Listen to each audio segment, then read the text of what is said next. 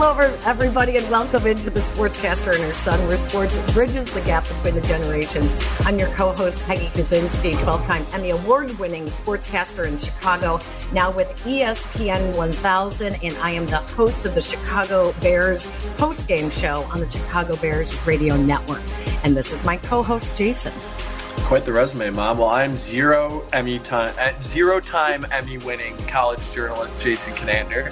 I'm a senior, uh, having a great time here at University of Texas at Austin. I'm the sports director here at Texas Student Television.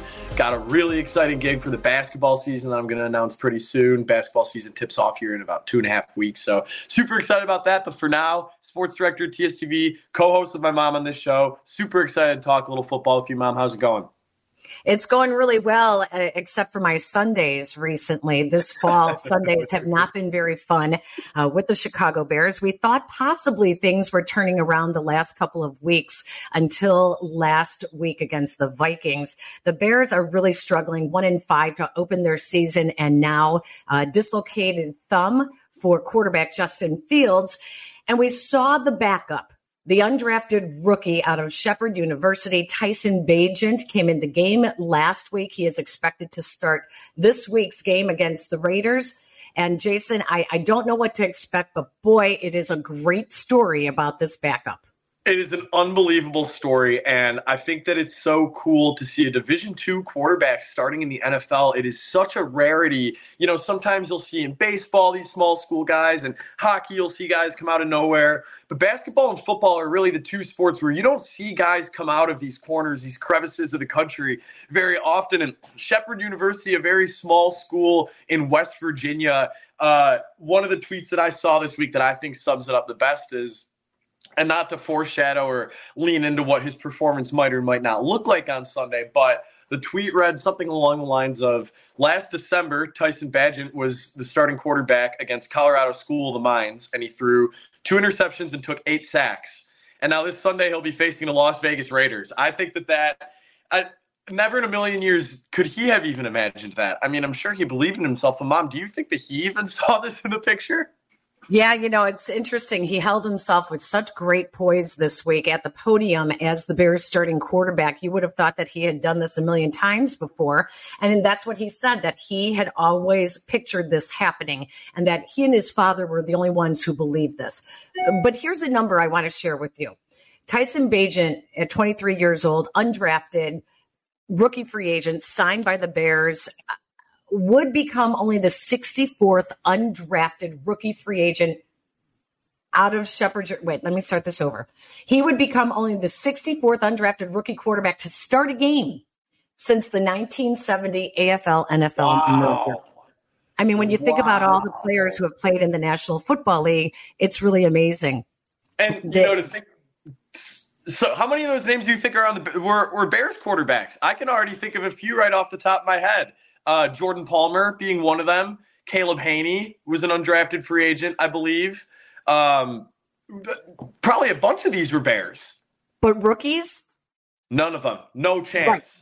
Right, exactly. Uh, the, only the 64th undrafted rookie quarterback. Undrafted rookie. Okay, that's incredible. That how about, really how about Henry Burris? There's a name, another another former Chicago Bear. So yeah, so it's just highly, highly unusual. And when you read his draft bio um, from the Beast, I was reading his draft bio, and they said that he, uh, how did they put it? They said that uh, he was severely under recruited. He was a zero star recruit. I mean, yeah. I mean, you look at this and you look at someone like Justin Fields, who played at two of the, the top football institutions in college, Georgia and Ohio State. And then you look at who his backup is Tyson Bagent out of Shepherd University in West Virginia, Division two, undrafted. I mean, you could not have two more opposite paths to the National Football League. The question that this really poses for me, though, Mom, we had a lot of people early in the season because Tyson Bagent played very well in the preseason. Really showed a lot of people. I mean, he he ended up getting promoted to the number two quarterback on the roster after being undrafted, which is a big accomplishment in of its own in its own right. So, what happens if you know, by the way of God, he looks really good in this game or the next two games or the next three games. Justin Fields has won, what is it, four games over the last two seasons in a Bears uniform. What happens if Tyson goes out and wins two games in his first two starts with the Bears? I, I what do you think those discussions would look like? The predicament will be a for the coaches. The coaches are trying to save their jobs and they need wins. So they will have to decide, do we stick with the hot hand right now and make sure that, you know, they could make excuses that Justin's not completely healed yet, right? Which is would be very easy for them to say. Uh, or B, upstairs in management, Ryan Poles says, I need a couple more games to be able to get a really clear indication of Justin Fields and whether or not he is our future quarterback. Those mm. discussions are going to be very, very interesting. It's really, really good insight. I really, especially like the note on uh, the coaching staff needing to needing to save themselves with a couple of wins. Uh, they they would have to ride with the hot hand, and you kind of the way you put it really shows that the Bears even though they're one and five, they have all the leverage in this situation. If Tyson Bagent looks good, they can hold Justin Fields out for really as long as they want to. If he looks bad, they're not going to rush Justin Fields back. But in a contract kind of prove it year, Justin Fields is going to want to be back on the field as soon as possible. And so the Bears are really you know, it's a it's it's an interesting predicament with an undrafted rookie starting at quarterback this early in the season. But they kind of do have some leverage here, and they're going to get some answers to questions that maybe they wouldn't have gotten eh, otherwise. Well, let's not forget. Let's throw in the fact that they have the Panthers' first round pick next year, which could very well be one of the top two picks, which would be a quarterback. So there is a lot of discussion going on right now uh, with the Bears front office and, and their coaching. But I can tell you this much. I don't think coaches are ever coaching to save their jobs except for maybe Lovie Smith last year when he decided in the final game of the season.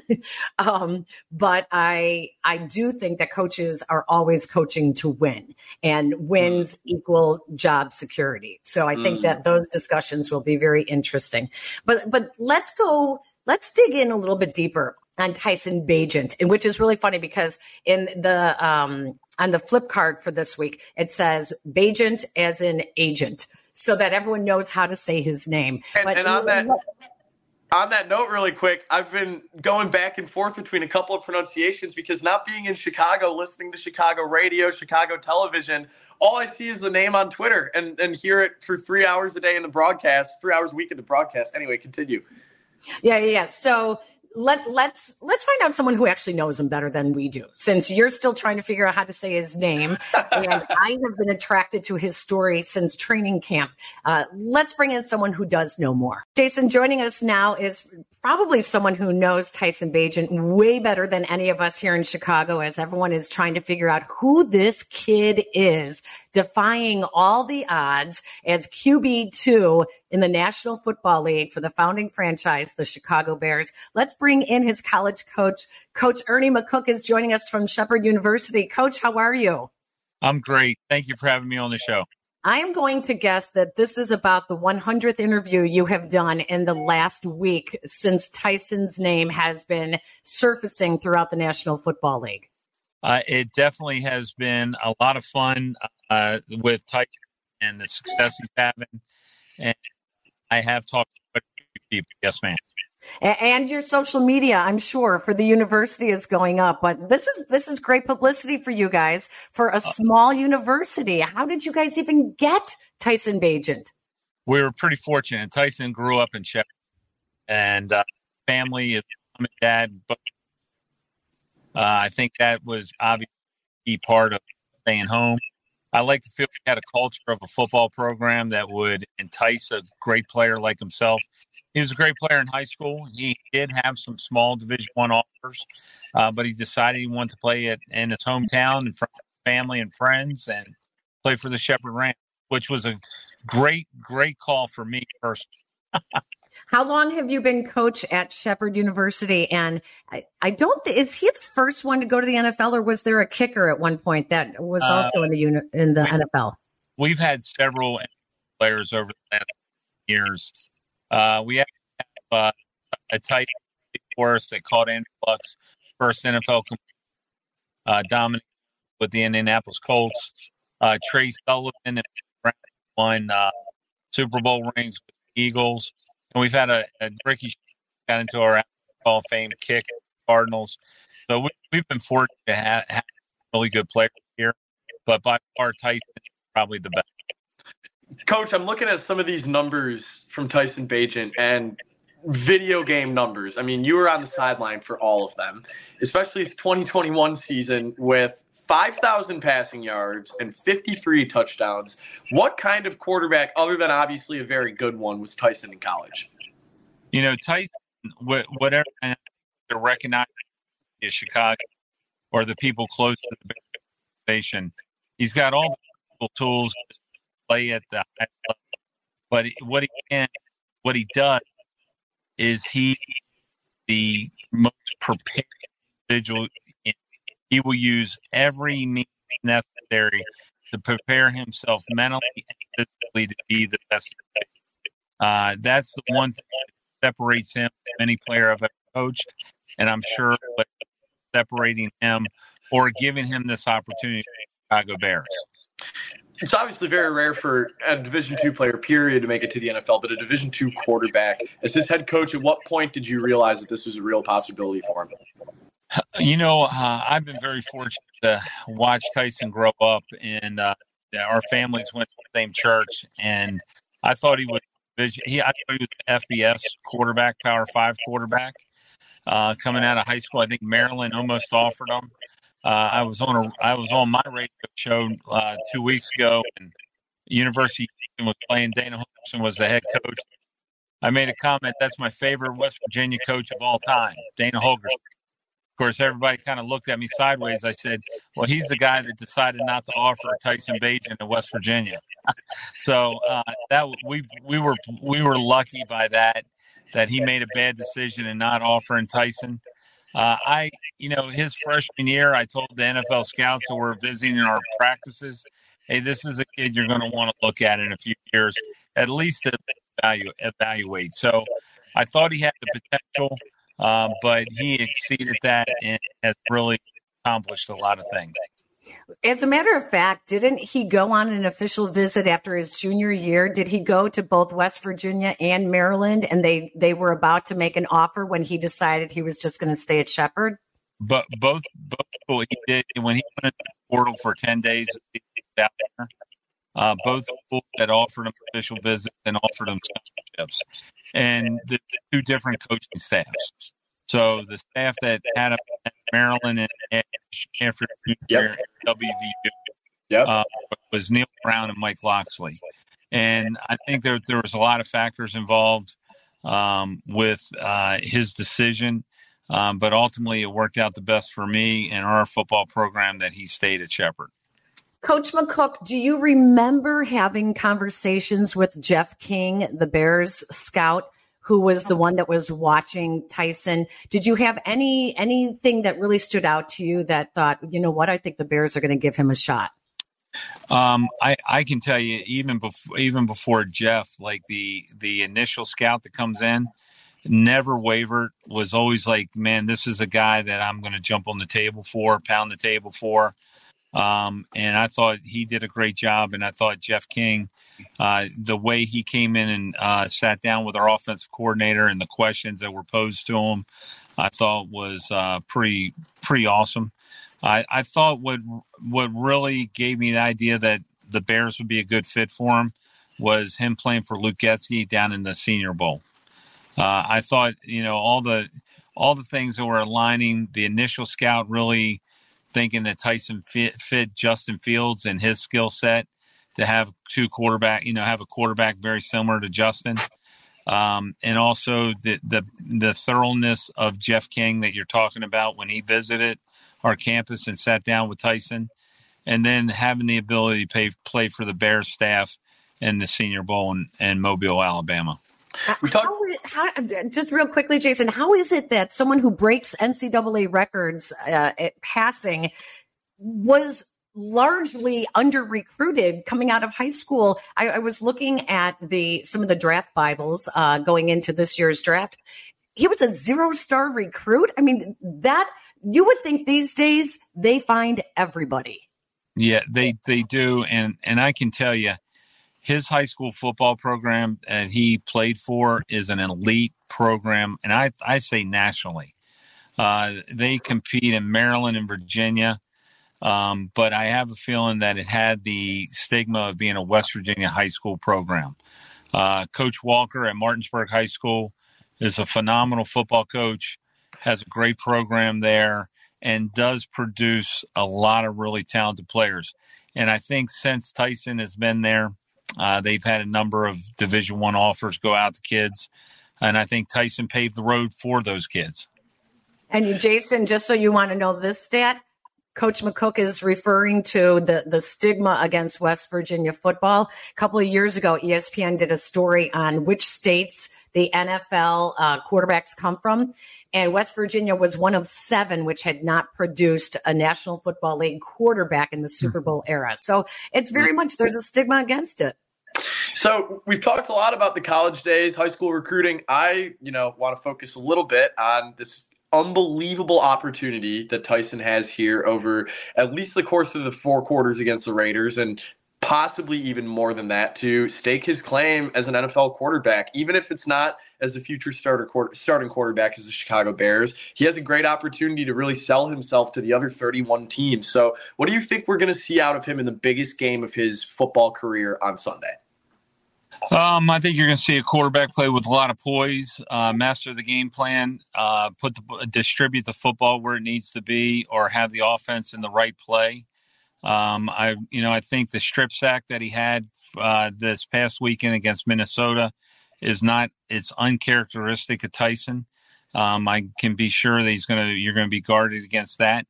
He, and if he has an opportunity to make a throw that might get intercepted, that may happen but it's going to be because he has confidence that he can make that play. Um, I think I'm, I'm going to go on a limb. I think the Bears are going to win, and I think Tyson Bagent's going to um, uh, lead them to that victory. And I have no reservation saying that the kid's a winner, and I don't care what what level of competition he will lead that team to a victory. You know, I think that that I love the confidence. I absolutely love the confidence, and that leads me right into my next question. Let's say that your prediction reigns true. Tyson Bagent ends up leading the Bears to this unheralded win on Sunday. Undrafted rookie, one of only sixty some to make a start under center the rookie year, undrafted at quarterback. What's next then? If the Bears win this game, what do you think? What do you think those discussions are going to look like, and what do you think that would mean for Tyson's career? Well, I, I, I, think that Tyson's career is, uh, I, I think that he's always going to show that he belongs in the NFL. But I can tell you what I, exactly what I, I think will happen. The Bears win on Sunday. He's going to go out to dinner and visit with his family and friends. And then he's going to come to work on Monday and prepare uh, either as the backup quarterback to Justin Fields or prepare for the starter for whoever the next opponent is. The kid is a true professional, even though he came from a Division two school, and he he will represent the Chicago Bears the right way that everybody would be proud of.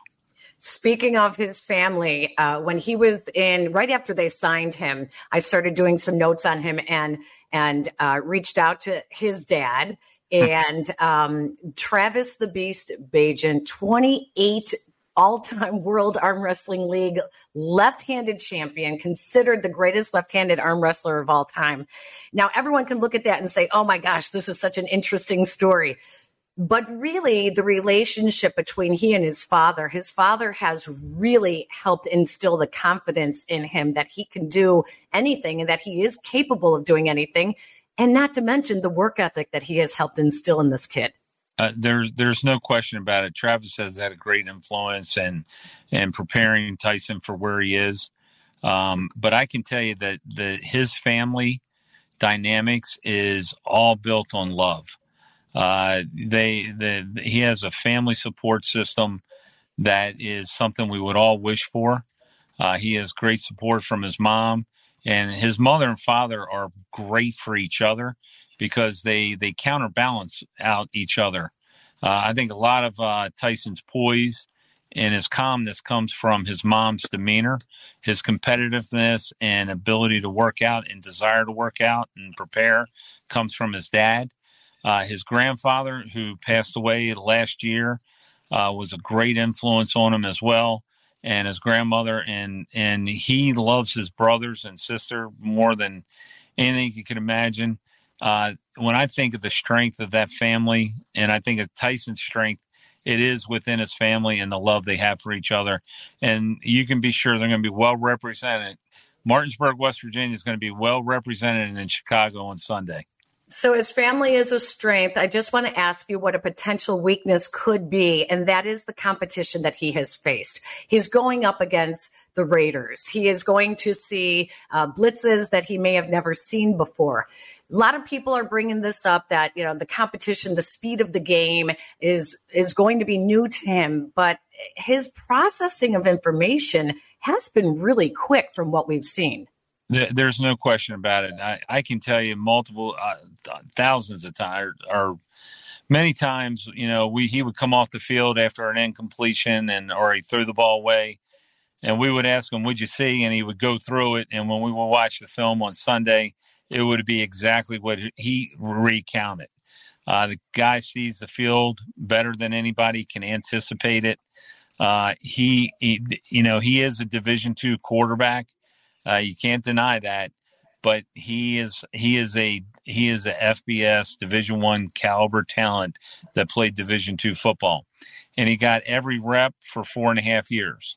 So you know, repetition's the mother of all learning. Um, I I I think he's going to surprise a lot of people, and I believe that. And I really believe that we're going to, I mean, people are going to be talking about Tyson Bagent as a poised competitor. Um, and if you're asking me, you did ask me for a weakness. His weakness is I can make that play and I will do whatever I can to make that play. And I think that's what happened on his last interception mm-hmm. that he threw um, against the Vikings. And when I listened to his um, Wednesday press conference, I had a chance to listen to it later that evening. Um, you could tell that he was listening to what the coaches were coaching him to do. And, and the next time he's in that situation, if there's any doubt, he's going to check the ball down and live to play the next play. Uh, he is a very coachable player. He's going to do what's in the system and he's going to master the system. Um, he is the guy that every every coach in the game wants to coach and have in your huddle. His confidence is infectious. That press conference on Wednesday was so impressive. You would have thought that uh, he, you never would have known he was an undrafted rookie uh, th- that came out of Shepherd's University. I mean, it's really very, very confident in in himself, and it's been really fun to watch, and we hope that he does well. But, coach, I, I, I got to point out, he's the oldest in his family. Do you have another Bagent in the system at Shepherd?